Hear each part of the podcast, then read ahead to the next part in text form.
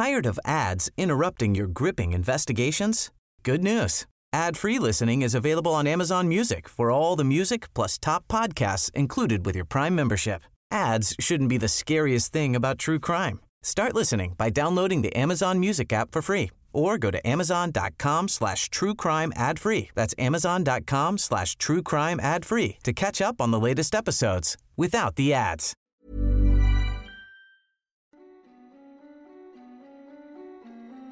Hej och välkommen till Skräckstunden.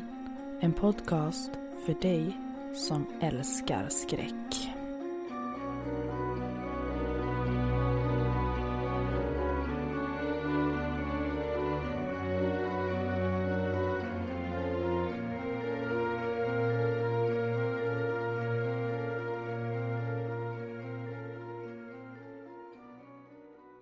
Hej och välkommen tillbaka till Skräckstunden. Idag kommer det komma ett avsnitt som passar er som gillar lite längre berättelser. För en tid sedan så blev jag kontaktad av en författare som heter Florence Wetzel som också skickade sin fantastiska novellsamling till mig. Idag har jag därför valt att läsa upp en berättelse som är skriven av Florence Wetzel och berättelsen ni ska få höra heter Under sängen. Det är säkert inte första gången ni hör en berättelse som fokuset handlar om att det finns saker under sängen. Och, och det, det är någonting speciellt inom skräckens värld att man ska titta under sängen. Att det, det finns någonting som lurar under sängen. Dagens avsnitt består av en enda längre berättelse. Och där ska vi få veta vad som faktiskt kan finnas under just sängen. Nu kör vi igång med veckans avsnitt och berättelsen Under sängen skriven av författaren Florence Wetzel.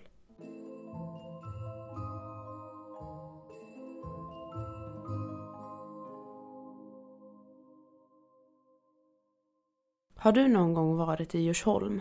Kanske Stockholms mest exklusiva förort med ett slott, flotta villor och imponerande invånare inklusive en medlem i ABBA. Vid 30 års ålder bodde jag fortfarande i fel del av Sollentuna. Samma plats där jag vuxit upp. Jag var nöjd där för det mesta. Men första gången jag besökte min författarkollega Maria i Djursholm blev jag blixtförälskad i platsen. Jag bestämde mig för att hitta en lägenhet där och jag lovade mig själv att jag skulle äga ett hus där en vacker dag. Jag kollade Hemnet och andra bostadssajter dussintals gånger varje dag. Det pågick i några månader men min uthållighet lönade sig när jag hittade en annons för ett förstahandskontrakt på en vindslägenhet på Auravägen. På den tiden var jag fortfarande någon som gjorde ett gott första intryck. Jag var en perfekt Djursholmsbo. En ursvenne vid namn Gunnel Pettersson. Blondin, lång och ganska söt. Utbildad vid Stockholms universitet och tidigare anställd på ett förlag. Alltså tills jag gav ut två feelgood-böcker som blev väl mottagna. Ogift men med ett par långa förhållanden bakom mig och med hopp om ett lyckligt äktenskap framför mig. En förnuftig person med stabil inkomst. Dessutom gillade folk författare, särskilt framgångsrika författare. Dagen efter visningen ringde hyresvärden och berättade att lägenheten var min. En månad senare flyttade jag från Sollentuna till Djursholm. En riktig klassresa. Lägenheten var fräsch och ren med vita väggar och tjocka svartmålade träbjälkar. Planlösningen var öppen och hade en spiraltrappa i mitten som ledde ner till entrén. Utöver badrummet fanns bara ett annat rum med egen dörr. Rummet var tänkt som sovrum men jag bestämde mig för att använda det som skrivrum och istället sova på bäddsoffan i vardagsrummet. Min dröm hade alltid varit att ordna ett utrymme vikt åt mitt skrivande och nu hade jag äntligen min chans. Ett eget rum, som Virginia Woolf uttryckte det. En konstighet var att rummet hade en sängram av vita brädor inbyggd i ena hörnet. Hyresvärden hade bett om ursäkt för sängramen, men för mig var det idealiskt. Jag hade aldrig tyckt om att skriva framför ett skrivbord. Jag föredrog att sitta upprätt i sängen med ett knäskrivbord. Jag gick till Ikea och köpte en madrass och ett par bokhyllor och vips så var rummet klart. Min egen lilla skrivargrotta. Trots det dedikerade utrymmet gick skrivandet dåligt i början. Jag hade svårt att anpassa mig till förortstystnaden och det var nästan omöjligt att fokusera på mitt arbete. Jag behövde skärpa mig eftersom jag hade lovat att leverera den sista delen av min feelgood-trilogi om ett par månader. Deadlinen kom närmare för varje dag som gick och första utkastet var inte ens klart. Allt förändrades efter att min skrivargrupp kom på besök. Vi var fyra feelgood-författare, tre kvinnor och en man och vi träffades en gång i månaden hemma hos varandra. Det var min tur att vara värd och det gladde mig när de andra beundrade den nya lägenheten och särskilt skrivrummet. När jag visade dem den frodiga bakgården la Maria märke till en eldstad. Vi bestämde oss där och då för att tända en eld och sitta utomhus i någon timme. Vi samlades runt lägerelden som ett gäng scouter. Eller ja, scouter med varsitt glas rödvin. Efter en timme gick vi tillbaka in för att läsa högt ur våra skrivprojekt. Det var en riktigt mysig kväll. Efter gruppens besök blev skrivrummet ett underbart ställe att jobba på. Det fanns en ny energi i luften och jag hade plötsligt ett fantastiskt flyt. Jag skrev till och med en novell till en antologi, vilket var något jag tackat ja till för ett par månader sedan. Det löftet hade hängt över mig som ett mörkt moln, men tack vare min nya iver skrev jag klart novellen på en vecka. Tyvärr var den nya energin än mer påtaglig. Lägenheten hade blivit väldigt kall med en kylig luftström genom alla rum. Visst var det oktober, men det var ingen bra förklaring eftersom värmen funkade utmärkt. En dag gick jag systematiskt igenom lägenheten för att lista ut var draget kom ifrån. Skrivrummet kollade jag sist. Det enda fönstret var inte problemet, så jag gick ner på knä och sträckte in en hand under sängen. Mycket riktigt kändes en kall fläkt. Och inte bara kall, utan fullkomligt isande. Vanligtvis skulle jag ha ringt till hyresvärden, men han var på semester i Thailand. Han var en gammal gubbe och butter av sig och jag bävade för att störa honom på stranden. Det fanns två andra lägenheter i huset, var och en med ett äldre par, men jag ville inte besvära dem heller. Båda paren hade varit trevliga när jag flyttade in, men efter att skrivargruppen kom på besök blev grannarna lika kyliga som draget under sängen. Jag förstod inte varför.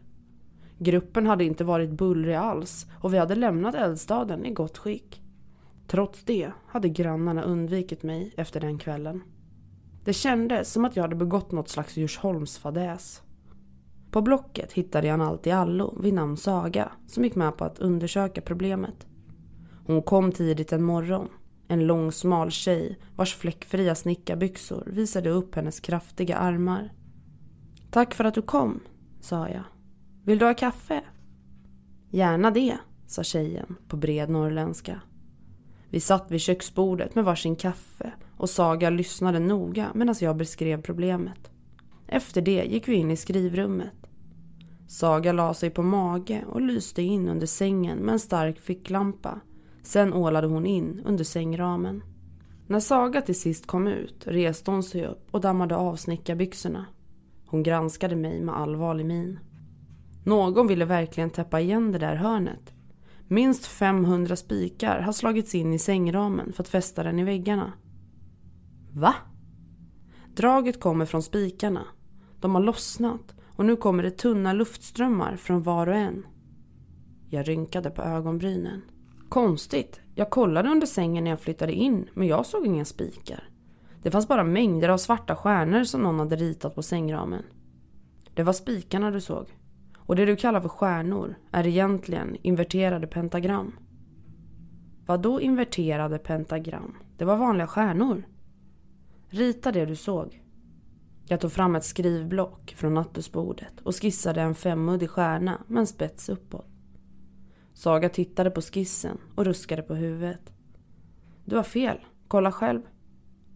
Så snart jag kom ner på golvet slog den isande vinden emot mitt ansikte. Saga lyste med ficklampan under sängen. Alla stjärnor hade två spetsar uppåt. Vad märkligt. Vi gick tillbaka till köksbordet där jag hällde upp en påtår åt oss. Pentagram, sa jag. Det vet jag inte så mycket om. Det är något otäckt, eller hur? Mer än otäckt, tyvärr. Pentagram är en symbol för ondska. Det står för en värld som vänt sig upp och ner. En värld full av mörker och perversitet. Det låter som att du har koll på det här, sa jag misstänksamt. Saga viftade med en hand. När jag var yngre hade jag en grupp vänner som gillade att syssla med sånt. Yngre? När du var tonåring alltså? För en månad sedan fyllde jag 40. Jag blev förundrad. Det var omöjligt att den här kvinnan var äldre än mig. Det var länge sedan, sa Saga. Jag flyttade hit för 15 år sedan och började om. Poängen är att jag faktiskt har erfarenhet av det här. Och det kan jag berätta för dig, att det som händer i skrivrummet är inte bra. Jag suckade. Det kommer att bli dyrt att ta bort sängramen. Hyresvärden lär inte bli glad. Saga skakade på huvudet. Jag pratar inte om pengar. Vill du ha ett gott råd? Flytta härifrån så snart som möjligt. Jag skrattade till av förvåning. Aldrig! Jag har bara bott här ett par månader. Har du någon aning om hur svårt det är att hitta en lägenhet i Djursholm som man har råd med? Ju längre du bor här, desto mer kommer energin från under sängen att påverka dig. Du ser ut som en snäll tjej. Om du vill förbli det, då måste du lämna det här stället. Det låter som skrock. Jag vet inte hur folk tänker där uppe i Norrland, men vi är i Stockholm nu. Djursholm till och med. Saga snörpte på munnen.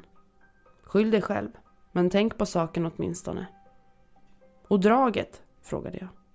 Blockerade med kuddar. Jag fnös. Kuddar, vad är det för lösning? Det är bara tillfälligt. Om jag har rätt kommer draget att bli starkare och starkare. Tack för att du kom, sa jag stelt. Skicka fakturan till mig så betalar hyresvärden dig när han är tillbaka från Thailand. Saga reste sig upp. Oroa dig inte över pengarna. Den bästa betalningen vore om du lämnade den här lägenheten, vilket jag verkligen hoppas att du gör snart. Ha det bra, sa jag bara. Den eftermiddagen åkte jag till Ikea och köpte ett flertal kuddar. Jag ville inte krypa in under sängen och se de läskiga inverterade pentagrammen så jag placerade bara kuddarna under sängramen. När jag kände på dem någon timme senare var de iskalla. Draget minskade, lite i alla fall. Om jag hade min gamla islandströja på mig kunde jag uthärda kylan och jobba i rummet. Hyresvärden skulle vara tillbaka om ett par veckor och jag kunde ta upp problemet med honom då. När det gällde Sagas varning bestämde jag mig för att glömma det hela. Hon var en egendomlig tjej med för mycket fantasi. Jag hade en bok att skriva, en deadline att hålla. Det fanns ingen tid över för struntprat om ond energi och pentagram. Som sagt hade jag skrivit färdigt en novell till en antologi. Jag såg fram emot att få förläggarens återkoppling, för att inte tala om att få betalt. Men när svaret äntligen kom blev jag helt förstummad. Hej Gunnel! Tack för novellen. Den är välskriven och det är tydligt att du jobbat stenhårt på den. Jag tror att det har skett ett missförstånd. I mitt första mejl till dig var instruktionerna tydliga. En feelgood-novell på mellan 5 och 7 tusen ord. Istället för det har du skickat en skräckhistoria. Om du har bifogat fel novell av misstag finns det gott om tid att skicka den riktiga. Ett annat alternativ är att arbeta om den här novellen till en feelgood. Det skulle vara lätt att göra, det är bara att klippa bort de tre sista sidorna. Om det här verkligen är ditt bidrag behöver vi tacka nej. Vi har faktiskt en skräckantologi på gång, men din novell skulle inte funka där heller. Främst för att slutet är otillfredsställande. Det går bra att lämna ett öppet slut där läsaren kan använda sin fantasi, men att avsluta en historia med att någon kryper in under sängen är för abrupt. Jag vill också tillägga att något ondskefullt under sängen är ett ganska uttjatat tema. Jag är ledsen om det här låter barskt, men om du tänker byta genre till skräck kan det vara bra att få återkoppling. Vi alla på förlaget älskar dina texter. Nästan alla har läst de två första delarna av din trilogi och vi ser fram emot den tredje boken, även om det är ett annat förlag som ger ut den. Jag hoppas verkligen att vi kan jobba tillsammans i framtiden. Vänliga hälsningar, Karin. Jag läste om mejlet en gång till. Det var inte klokt. Hur sjutton kunde Karin tycka att en novell om ett par som träffas i en tvättstuga var skräck? Det mesta av berättelsen utspelade sig i själva tvättstugan och det slutade med att paret tog hissen tillsammans och insåg att de bodde vägg i vägg. Den enda obehagliga saken i novellen var när en gubbe kom in i tvättstugan och gnällde eftersom paret var där under hans tvätttid. Det vill säga inte läskigt alls. Karins återkoppling var särskilt märklig eftersom jag inte tyckte om skräck. Jag läste inte den typen av texter och jag skrev dem inte heller. Det var precis därför jag skrev feelgood, för att undvika det obehagliga. När jag hittade mejlet som jag skickade Karin var det bara ett dokument bifogat rent och fräscht Gunnel Pettersson. Alltså min novell. Jag öppnade dokumentet och skummade det. Min historia var definitivt, men ordet slut stod inte där det skulle. Vad sjutton. Jag tittade på sidfoten i dokumentet, sida 10 av 13. Visst var novellen bara 10 sidor lång. Jag läste vidare. Mannen och kvinnan gick in i hans lägenhet. Han gick på toa och lämnade henne ensam i vardagsrummet. Hon såg en bok som stack ut från soffan och plockade upp den. Till sin förskräckelse insåg han att boken handlade om häxkonst och var fylld av motbjudande bilder som blandade sex och våld. Kvinnan blev livrädd. Hon smög in boken under soffan och ställde sig upp för att lämna lägenheten. Just då hörde hon ett klick. Mannen hade gått till ytterdörren och låst den. Hon fick panik och började leta efter en plats att gömma sig på. Bredvid badrummet såg hon ett litet rum med en säng och sängram inbyggd i hörnet. Hon kastade sig ner på golvet och kröp in under sängen. Det var faktiskt den sista meningen. Hon kröp in under sängen. Kyliga kårar rusade längs ryggraden. Jag hade inte skrivit det här. Inte slutet i alla fall. Var det här något slags sofistikerad hackning? Hade någon författarkollega blivit avundsjuk på min framgång och bestämt sig för att sabotera för mig? Nej, det var omöjligt. När jag tänkte på skrivargruppen kunde jag inte föreställa mig att någon av dem skulle göra något sånt. Vi var varandras största fans. Var det bara sista utkastet som innehöll de här extra sidorna? Jag öppnade mappen där jag sparat alla utkast och skumläste dem allihop. Varje utkast hade samma sista tre sidor i slutet. Alltså det skrämmande slutet.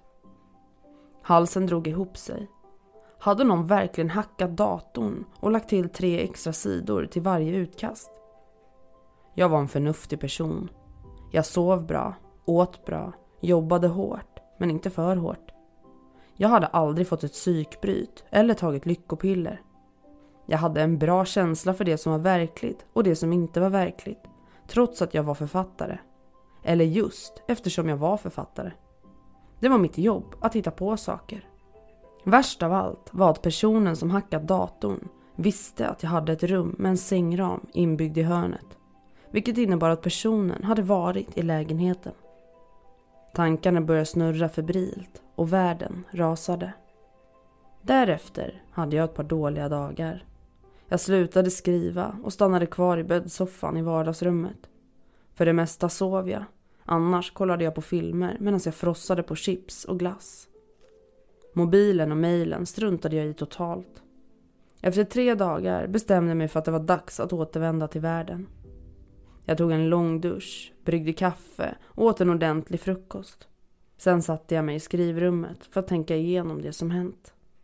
Jag valde att skaffa en bättre brandvägg till datorn och lägga det hela bakom mig. Angående novellen skrev jag till Karin och bad om ursäkt. Jag ljög och sa att jag faktiskt provat att skriva skräck och att de två novellerna förväxlats. Det gick bra om hon ville stryka de sista tre sidorna och köra på med utgivningen. Karin skrev tillbaka med en gång, ett riktigt snällt mejl och en vecka senare sattes betalningen in på kontot.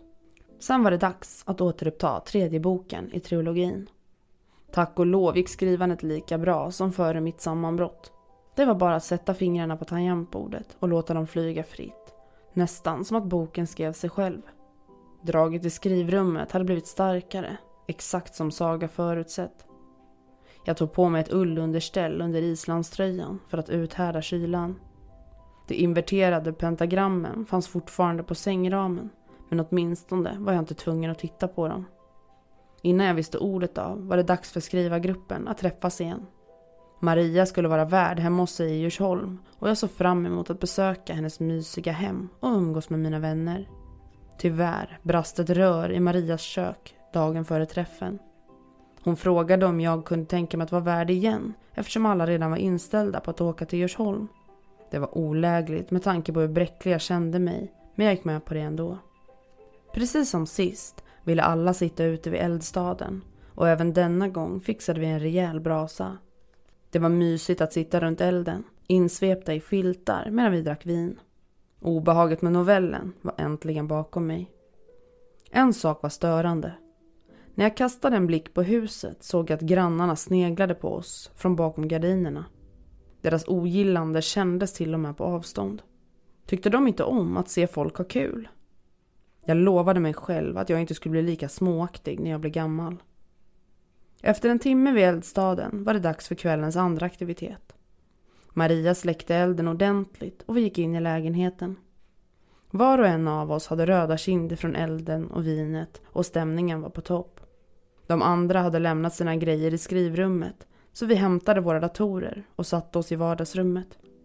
Vi öppnade en flaska vin till och jag ställde fram lite smått och gott från Djursholms delikatesser. Nu var det dags att läsa och lyssna. Som vanligt var det Maria som började.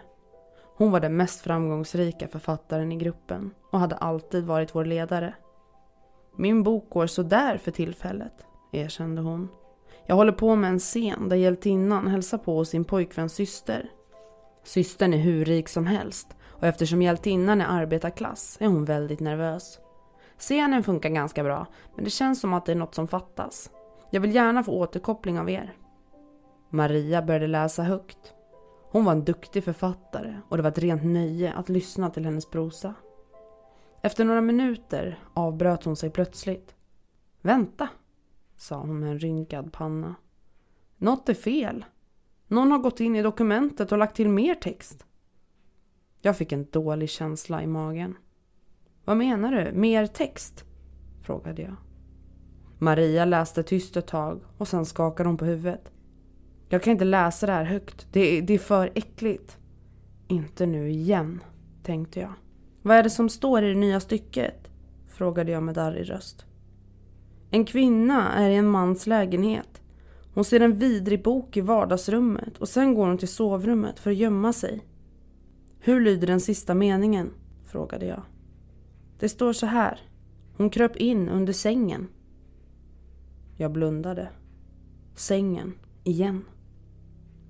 Usch, sa Maria.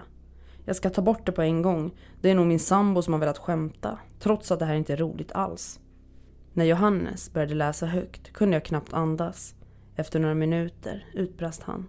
Vänta, jag har en extra text jag med. Det är samma sak, någon som har lagt till något äckligt på slutet. Och det avslutar med samma mening. Hon kröp in under sängen. Pia, sa Maria. Ta dig en titt på vad du tänkte läsa. Det tog ett tag för Pia att öppna sitt dokument och granska det. Hon bleknade. Jag med. Med exakt samma slut. Hon kröp in under sängen. Alla tre vred på huvudet och blängde på mig. Gunnel, sa Maria. Vad är det här för skämt? Vad har du gjort? Jag ruskade på huvudet. Det var inte jag. Maria tittade på de andra. Minns ni när vi satt runt elden och Gunnel gick in för att hämta filtar? Det var väl då hon gjorde det här? Nej, protesterade jag. Marias ögon smalnade. Har du sneglat på våra lösenord när vi öppnade laptoparna? Riktigt dålig stil Gunnel. Men... Maria ställde sig upp. Vi drar nu, sa hon till de andra. Gunnel, vi tycker om dig väldigt mycket. Hej, jag Daniel, founder of Pretty Litter. Cats and cat owners deserve better than any old-fashioned litter. That's why I teamed up with scientists and veterinarians to create Pretty Litter. Its innovative crystal formula has superior odor control and weighs up to 80% less than clay litter. Pretty Litter even monitors health by changing colors to help detect early signs of potential illness. It's the world's smartest kitty litter. Go to prettylitter.com and use code ACAST for 20% off your first order and a free cat toy. Terms and conditions apply. See site for details. Millions of people have lost weight with personalized plans from Noom, like Evan, who can't stand salads and still lost 50 pounds. Salads, generally, for most people, are the easy button, right? For me, that wasn't an option. I never really was a salad guy. That's just not who I am. But Noom worked for me. Get your personalized plan today at Noom.com. Real Noom user compensated to provide their story. In four weeks, the typical Noom user can expect to lose one to two pounds per week. Individual results may vary. Men det här går över gränsen. Man jävlas inte med andras texter. Dessutom, sa Johannes. Är det här inte första gången Gunnel har gjort något sånt? Vad menar du? frågade jag. Någon berättade för mig om novellen som du lämnade in till Filgor-antologin. Ryktet säger att du har börjat skriva skräck. Pia granskade mig med avsmak. Är det sant Gunnel? Nej, protesterade jag. Jag hatar skräck, det vet ni ju allihop. Pia fnös irriterat. Det här är ju en grupp för feelgood-författare. Det finns ingen plats för skräck här. Kanske behöver du en ny skrivargrupp. Jag bad dem att stanna och babblade osammanhängande om det isiga draget och pentagrammen. De såg inte ens på mig medan de samlade ihop sina grejer och rusade ner för spiraltrappan. Jag gick in i skrivrummet och satte mig på sängkanten. Jag la en hand på kuddarna som blockerade draget. Iskalla som vanligt. Nästa dag ringde jag till Saga, allt i allon. Jag bad om ursäkt för mitt dåliga beteende under hennes tidigare besök och jag frågade om hon kunde komma förbi så snart som möjligt. Saga kom till Djursholm den eftermiddagen. Hon ville inte ha kaffe, trots att jag bjöd henne ett par gånger. Hon lyssnade uppmärksamt när jag berättade för henne vad som hänt med min novell och min skrivargrupps alster. När jag hade pratat klart sa Saga. Det var bra att du hörde av dig. Jag var faktiskt på gränsen att ringa dig. Jaså? Ja, jag har gjort en hel del research. Visste du att det finns ett nunnekloster i Djursholm? Nej, sa jag. Jag har inte hunnit gå runt särskilt mycket sedan jag flyttade hit. Det heter Birgitta systrarnas kloster. Det grundades 1923. Påven Johannes Paulus den andra bodde där när han var på statsbesök i Sverige 1989. Var ligger det någonstans? Inte långt härifrån. Kanske fem minuter med bil. Men om du inte känner till klostret vet du nog ingenting om häxorna i Djursholm. Vilka var det? Ledaren hette Svart-Ingrid. Hon bodde i klostret som nunna under 50-talet. I början var hon en lovande nunna med stark tro men sen blev hon besatt av svart magi. Det sägs att när hon var på klostret gjorde hon en ceremoni som öppnade en portal till en annan värld. En värld fylld av ondska. Hon sparkades ut och hennes rum bommades igen. Vad hemskt! Hon var en stark personlighet och hon övertygade några andra nunnor att hjälpa henne. De blev också utslängda. Men vad har det här med mig att göra? Svart-Ingrid gillade Djursholm. Hon trodde att det var en särskilt magisk plats. När hon och de andra nunnorna var tvungna att lämna klostret kom de hit. Alltså till det här huset. Det knöt sig i magen. Nej! De flyttade in här uppe på vinden när den fortfarande var en riktig vind. Inte en renoverad lägenhet som nu. Hyresvärdinnan var en gammal dam som tyckte synd om Svart-Ingrid och de andra. Troligtvis eftersom hon inte riktigt förstod vad som pågick. Hur länge bodde de här? Ett par år. Grannarna var livrädda för dem. Svart-Ingrid hotade antagligen dem på något sätt. Men slutligen tog någon mod till sig och ringde polisen och de gjorde en razzia. Svart-Ingrid och hennes grupp hade tagit över hela huset. Hyresvärdinnan var spårlöst försvunnen. Det är fruktansvärt. Gruppen vräktes, men de åtalades inte. De hade inte gjort något olagligt och det var omöjligt att bevisa att de hade skadat hyresvärdinnan. Men vad hände då? Kvinnorna lämnade Djursholm och gick under jorden. Vissa tror att de åkte till Norrland där de bytte namn och började om. Det är till och med möjligt att några fortfarande lever, men de skulle nog förmodligen vara urgamla nu. Och Svart-Ingrid? Saga skakade på huvudet.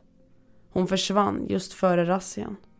När polisen frågade de andra kvinnorna om Svart-Ingrid skrattade de och sa att hon var någonstans där ingen kunde hitta henne. Aldrig någonsin. Vad märkligt. Innan kvinnorna lämnade huset brände de alla Svart-Ingrids anteckningsböcker. De ville inte att någon skulle kunna läsa ur dem och få reda på alla deras hemligheter. Svart-Ingrid höll uppenbarligen på att skriva någon slags bruksanvisning om häxkonst. Eldplatsen, sa jag. Vadå eldplatsen? Ja, på bakgården. Saga reste sig. Visa mig, nu! Vi tog på oss jackorna och gick ut i den kalla novemberdagen. Saga petade på eldplatsen med stövlarna. Sen gick hon ner på knä och studerade askan noggrant. När hon till sist tittade upp var ansiktet likblekt. Det här är också format som ett pentagram, sa hon. Har du tänt eld här sen du flyttade hit? Två gånger, med skrivargruppen. Saga ställde sig upp. Det finns nog örter och magiska ämnen i jorden från häxornas ceremonier. När du och din grupp tände elden första gången så öppnade ni portalen. Det var då ni väckte Svart-Ingrid. Munnen blev snustorr. Vad menar du? frågade jag. Jag tvivlar på att Svart-Ingrid någonsin lämnade den här platsen. Kanske ändrade hon form och försvann in i portalen. Kanske har hon väntat på det rätta tillfället att komma ut. Men eldplatsen ligger ju långt bort från huset, sa jag desperat. Det finns säkert någon koppling mellan de två ställena. Åh herregud.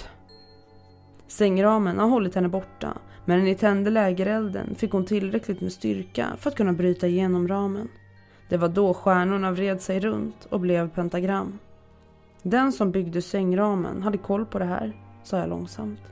Saga nickade. Avsikten var att stänga portalen och hålla Svart-Ingrid borta. Spikarna formades som stjärnor, som en godhetssymbol för att vakta lägenheten. Grannarna är ju väldigt gamla. Jag kan fråga dem om de minns något. Saga pekade på huset. Menar du dem? Jag tittade bakom mig och mycket riktigt stod grannarna vid gardinerna och sneglade på oss. Borde vi prata med dem? Frågade jag. Gör inte det, sa Saga. De är livrädda, jag kan känna det. Och de har anledning att vara det. Vi gick tillbaka in i huset och upp till lägenheten. Jag fixade kaffe åt oss och vi satte oss vid köksbordet med ett fat kanelbullar. Vi behövde fika, trots att det inte skulle bli särskilt trevligt. Saga, vad är det som händer med skrivandet? Alltså min novell och skrivargruppens manus? Svart-Ingrid gillar ju att skriva. Jag kan tänka mig att det är hennes sätt att kommunicera med dig. Saga gjorde en paus. Hur har det gått med skrivandet på sistone? frågade hon. Väldigt bra. Det gick dåligt i början när jag flyttade in men efter... Jag tystnade. Saga betraktade mig och sa efter att du tände elden med gruppen som gick skrivandet bättre. Jag nickade eländigt. Svart-Ingrid hjälper dig, Gunnel. Men hon vill ha något i gengäld. Men vad då? Men är det inte uppenbart? Hon vill att någon kryper in under sängen. Alltså in i portalen. Men varför då? Min gissning är att hon behöver människoblod. Där gick gränsen. Jag begravde ansiktet i händerna och började gråta. Du har rätt, sa jag genom tårarna. Jag måste flytta. Vad synd. Det var min stora dröm att bo här i Djursholm. Saga suckade. Jag håller med om att du måste flytta härifrån. Men om vi inte gör något åt det här kommer nästa hyresgäst att få samma problem. Är det ens möjligt att fixa det här? Det finns en ceremoni som kan stänga portalen. Kan du göra den? Det kan jag, men jag vill helst inte. Som sagt la jag allt det där bakom mig när jag lämnade Norrland. Jag betalar dig svart så mycket du vill. Saga stirrade på kaffekoppen en stund. Jag är i desperat behov av nya verktyg. Annars skulle jag inte ens överväga att göra det här. Dessutom tycker jag synd om dig. Du har verkligen hamnat i träsket. Hon nämnde ett pris. Det var högt, men jag brydde mig inte. Jag ville fixa det här och gå vidare med livet. När kan vi göra det? frågade jag. Jag behöver tid för att samla ihop ett par saker. Dessutom måste ceremonin äga rum under fullmåne. När är nästa fullmåne? Om tio dagar. Då gör vi det. Det var inte lätt att vara i lägenheten under de tio dagarna. Bortsett från att skrivandet gick så jäkla bra då. Varje dag när jag satt framför datorn skrev jag flera timmar i taget utan att bli utmattad.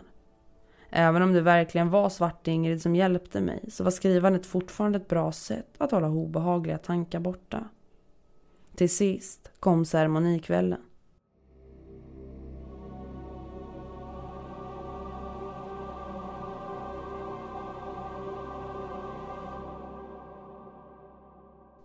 Prick klockan åtta hördes en lätt knackning och jag sprang ner för spiraltrappan för att öppna dörren. En kvinna stod där men det tog en stund innan jag kände igen Saga. Istället för snickarbyxor hade hon på sig en lång svart klänning och en rund röd sammetshatt som såg medeltida ut.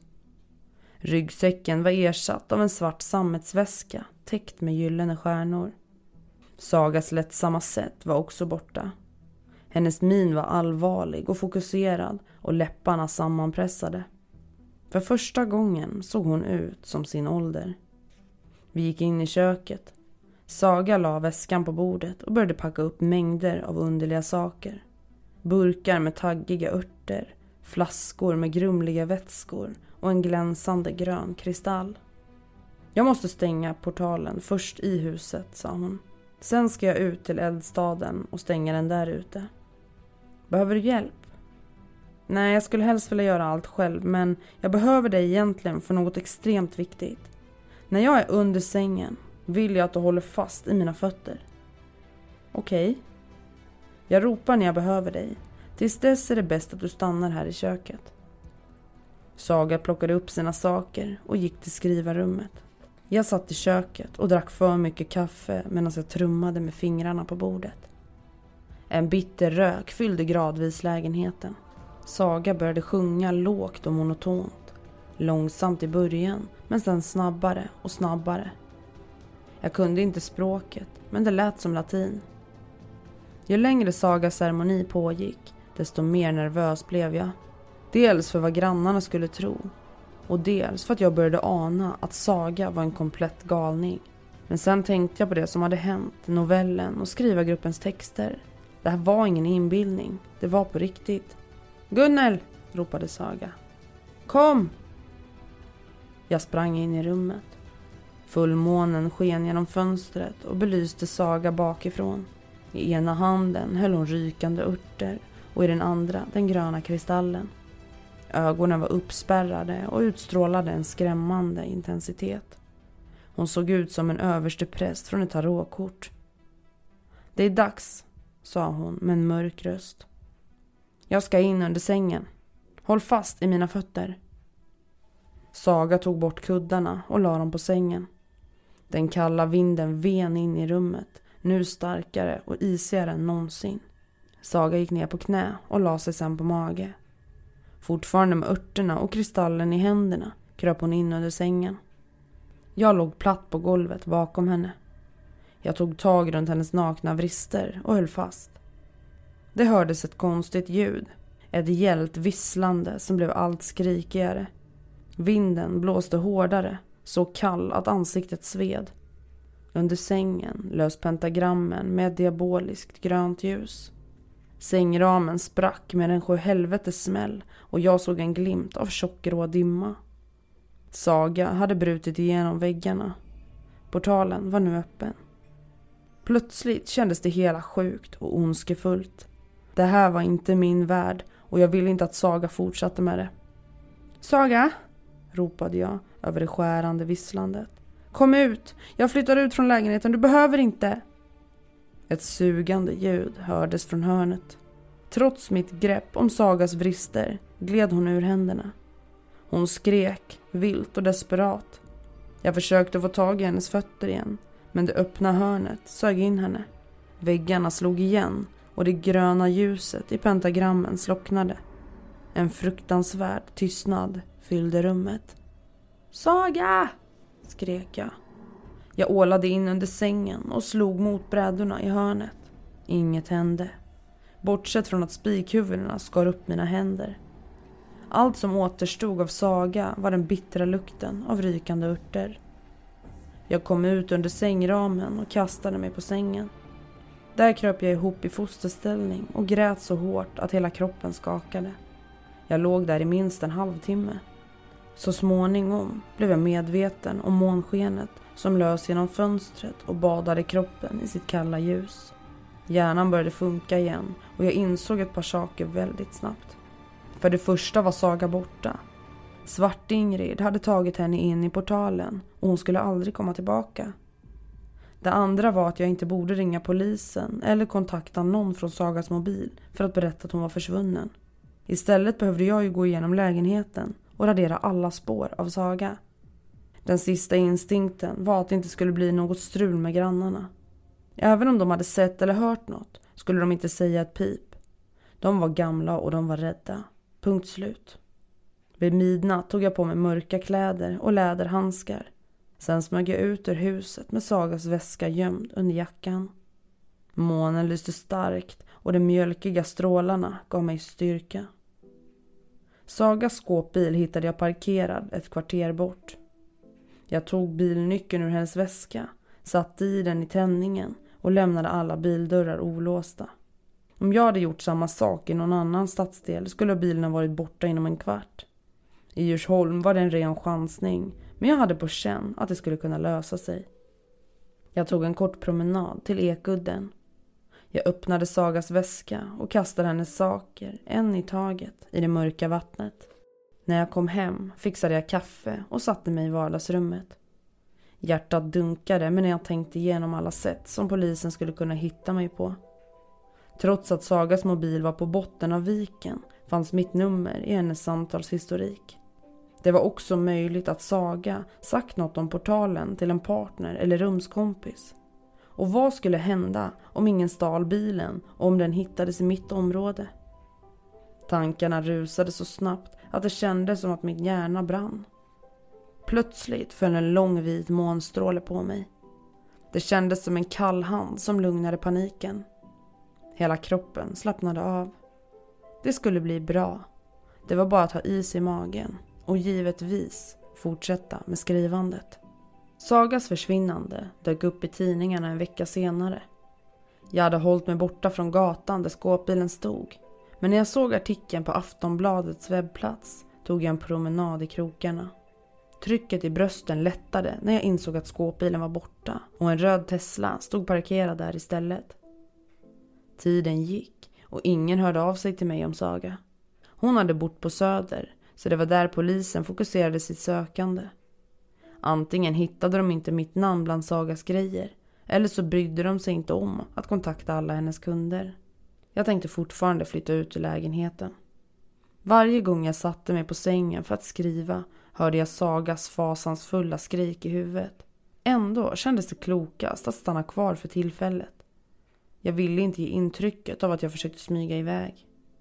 Jag bestämde mig för att flytta så snart jag skrivit klart den sista delen av Feelgood-trilogin. Som tur var gick skrivandet extremt bra och två månader senare var hela manuset färdigskrivet. Jag brukade skriva många utkast och redigera en hel del. Men den boken var i gott skick exakt som den var. Något märkligt hände dagen då jag skickade in boken till förlaget. Strax efter att jag sänt mejlet dök det upp en ny idé. En trilogi till. Men istället för feel good skulle det bli skräck. En invecklad berättelse om en grupp häxor i nutida Sverige. I Djursholm faktiskt. I två timmar rusade fingrarna över tangentbordet medan jag skrev en utförlig synopsis. När jag var klar läste jag igenom den och magkänslan sa att trilogin skulle bli en bästsäljare. Istället för att ta kontakt med mina vanliga förläggare använde jag kontaktnätet för att träffa redaktörer från Nordstedts och Bonniers. En månad senare skrev jag under ett fett kontrakt med Nordstedts. Mitt nya förlag sålde till och med filmrättigheterna. Önskan att flytta minskade för varje dag och till sist försvann den helt och hållet. Trots allt som hade hänt i lägenheten var det en bra plats att skriva på. Det drog fortfarande från under sängen men istället för att blockera det tog jag bort kuddarna och lät den iskalla luften strömma ut. Kylan var inget problem längre. Den kändes faktiskt ganska uppiggande. Minnen av Saga bleknade så småningom. När jag väl skänkte henne en tanke förstod jag att hon överskattat sin egen kraft. Det var omöjligt för någon som Saga att besegra Svart-Ingrid. Jag började göra research till den nya trilogin. Det intressanta var att jag fick lära mig mycket om häxkonst som jag kunde använda i mitt dagliga liv. Till exempel gillade häxorna att dränka in sin eldplats i blod. Människoblod var bäst, men grisblod funkade nästan lika bra. Djursholms delikatesser sålde grisblod för att göra blodpudding så jag började hälla det på eldplatsen. Mycket riktigt blev eldarna som jag hade börjat tända på kvällarna allt starkare och vackrare. Problemet med grannarna försvann fullständigt. Först flyttade ett par ut och sen det andra. Jag kom aldrig underfund med vad de sa till hyresvärden men efter att de flyttat fick jag intrycket att hyresvärden undvek mig. Det verkade som att han var rädd för mig.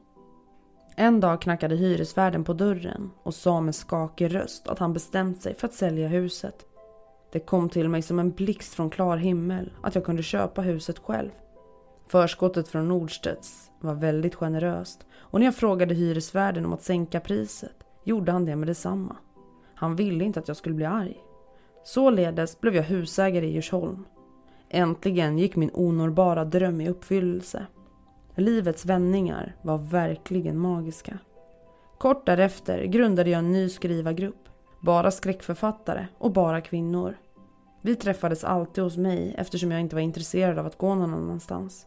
Som tur var älskade alla huset, särskilt eldplatsen. Jag flyttade till husets första våning men jag använde fortfarande skrivrummet på vinden. Förra veckan erbjöd jag alla i skrivargruppen att flytta in i lägenheten på bottenvåningen. Det kommer att bli mysigt att bo med en grupp kvinnor, särskilt eftersom vi har så mycket gemensamt. En kväll när jag läste igenom det jag skrivit under dagen såg jag att ett par nya stycken lagts till i slutet. Precis som tidigare slutade de med orden Hon kröp in under sängen. Den här gången förstod jag meddelandet med en gång. Svart-Ingrid hade ju fått Saga och det räckte ett bra tag. Men nu behövde hon någon ny. Personen behövde vara smal för att få plats under sängen. Jag hade på känn att Svart-Ingrid skulle föredra en kvinna. Åldern spelade ingen roll. Det var lätt som en plätt att fixa. Folk kände sig trygga i Djursholm och barnen var ofta ensamma på gatorna. Varnade ingen sina barn nu för tiden om att inte ta emot godis från främlingar? Tjejen var snäll och pratsam. Det var ingen konst att lura in henne i huset och efter en hel påse godis var hon villig att göra vad jag bad henne om. Inklusive att hjälpa mig att hitta något som jag hade tappat under sängen i skrivrummet. Jag behövde inte fråga två gånger. Hon kröp in under sängen.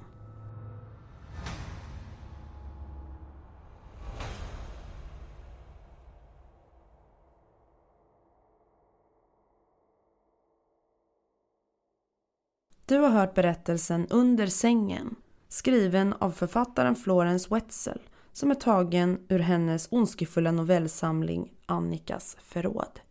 Jag hoppas att du tyckte den här historien var spännande och att du gillade ett lite längre avsnitt. Glöm inte att gå in på mina sociala medier och bli en del av skräckstundens familj. Och du, glöm inte ikväll innan du går och lägger dig, känn om det drar under sängen och kolla i så fall i hörnet så att det inte finns någonting som kanske ser lite annorlunda ut hemma hos dig. Tack för att du har lyssnat.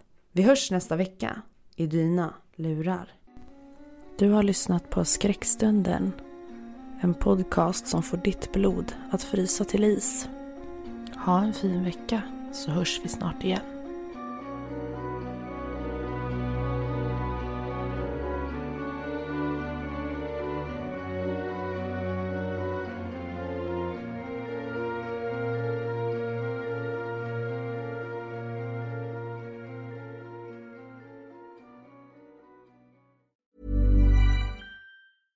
Hey, it's Paige DeSorbo from Giggly Squad. High quality fashion without the price tag. Say hello to Quince. I'm snagging high-end essentials like cozy cashmere sweaters, sleek leather jackets, fine jewelry, and so much more. With Quince being 50 to 80% less than similar brands. And they partner with factories that prioritize safe, ethical, and responsible manufacturing. I love that. Luxury quality within reach. Go to quince.com slash style to get free shipping and 365 day returns on your next order. Quince.com slash style.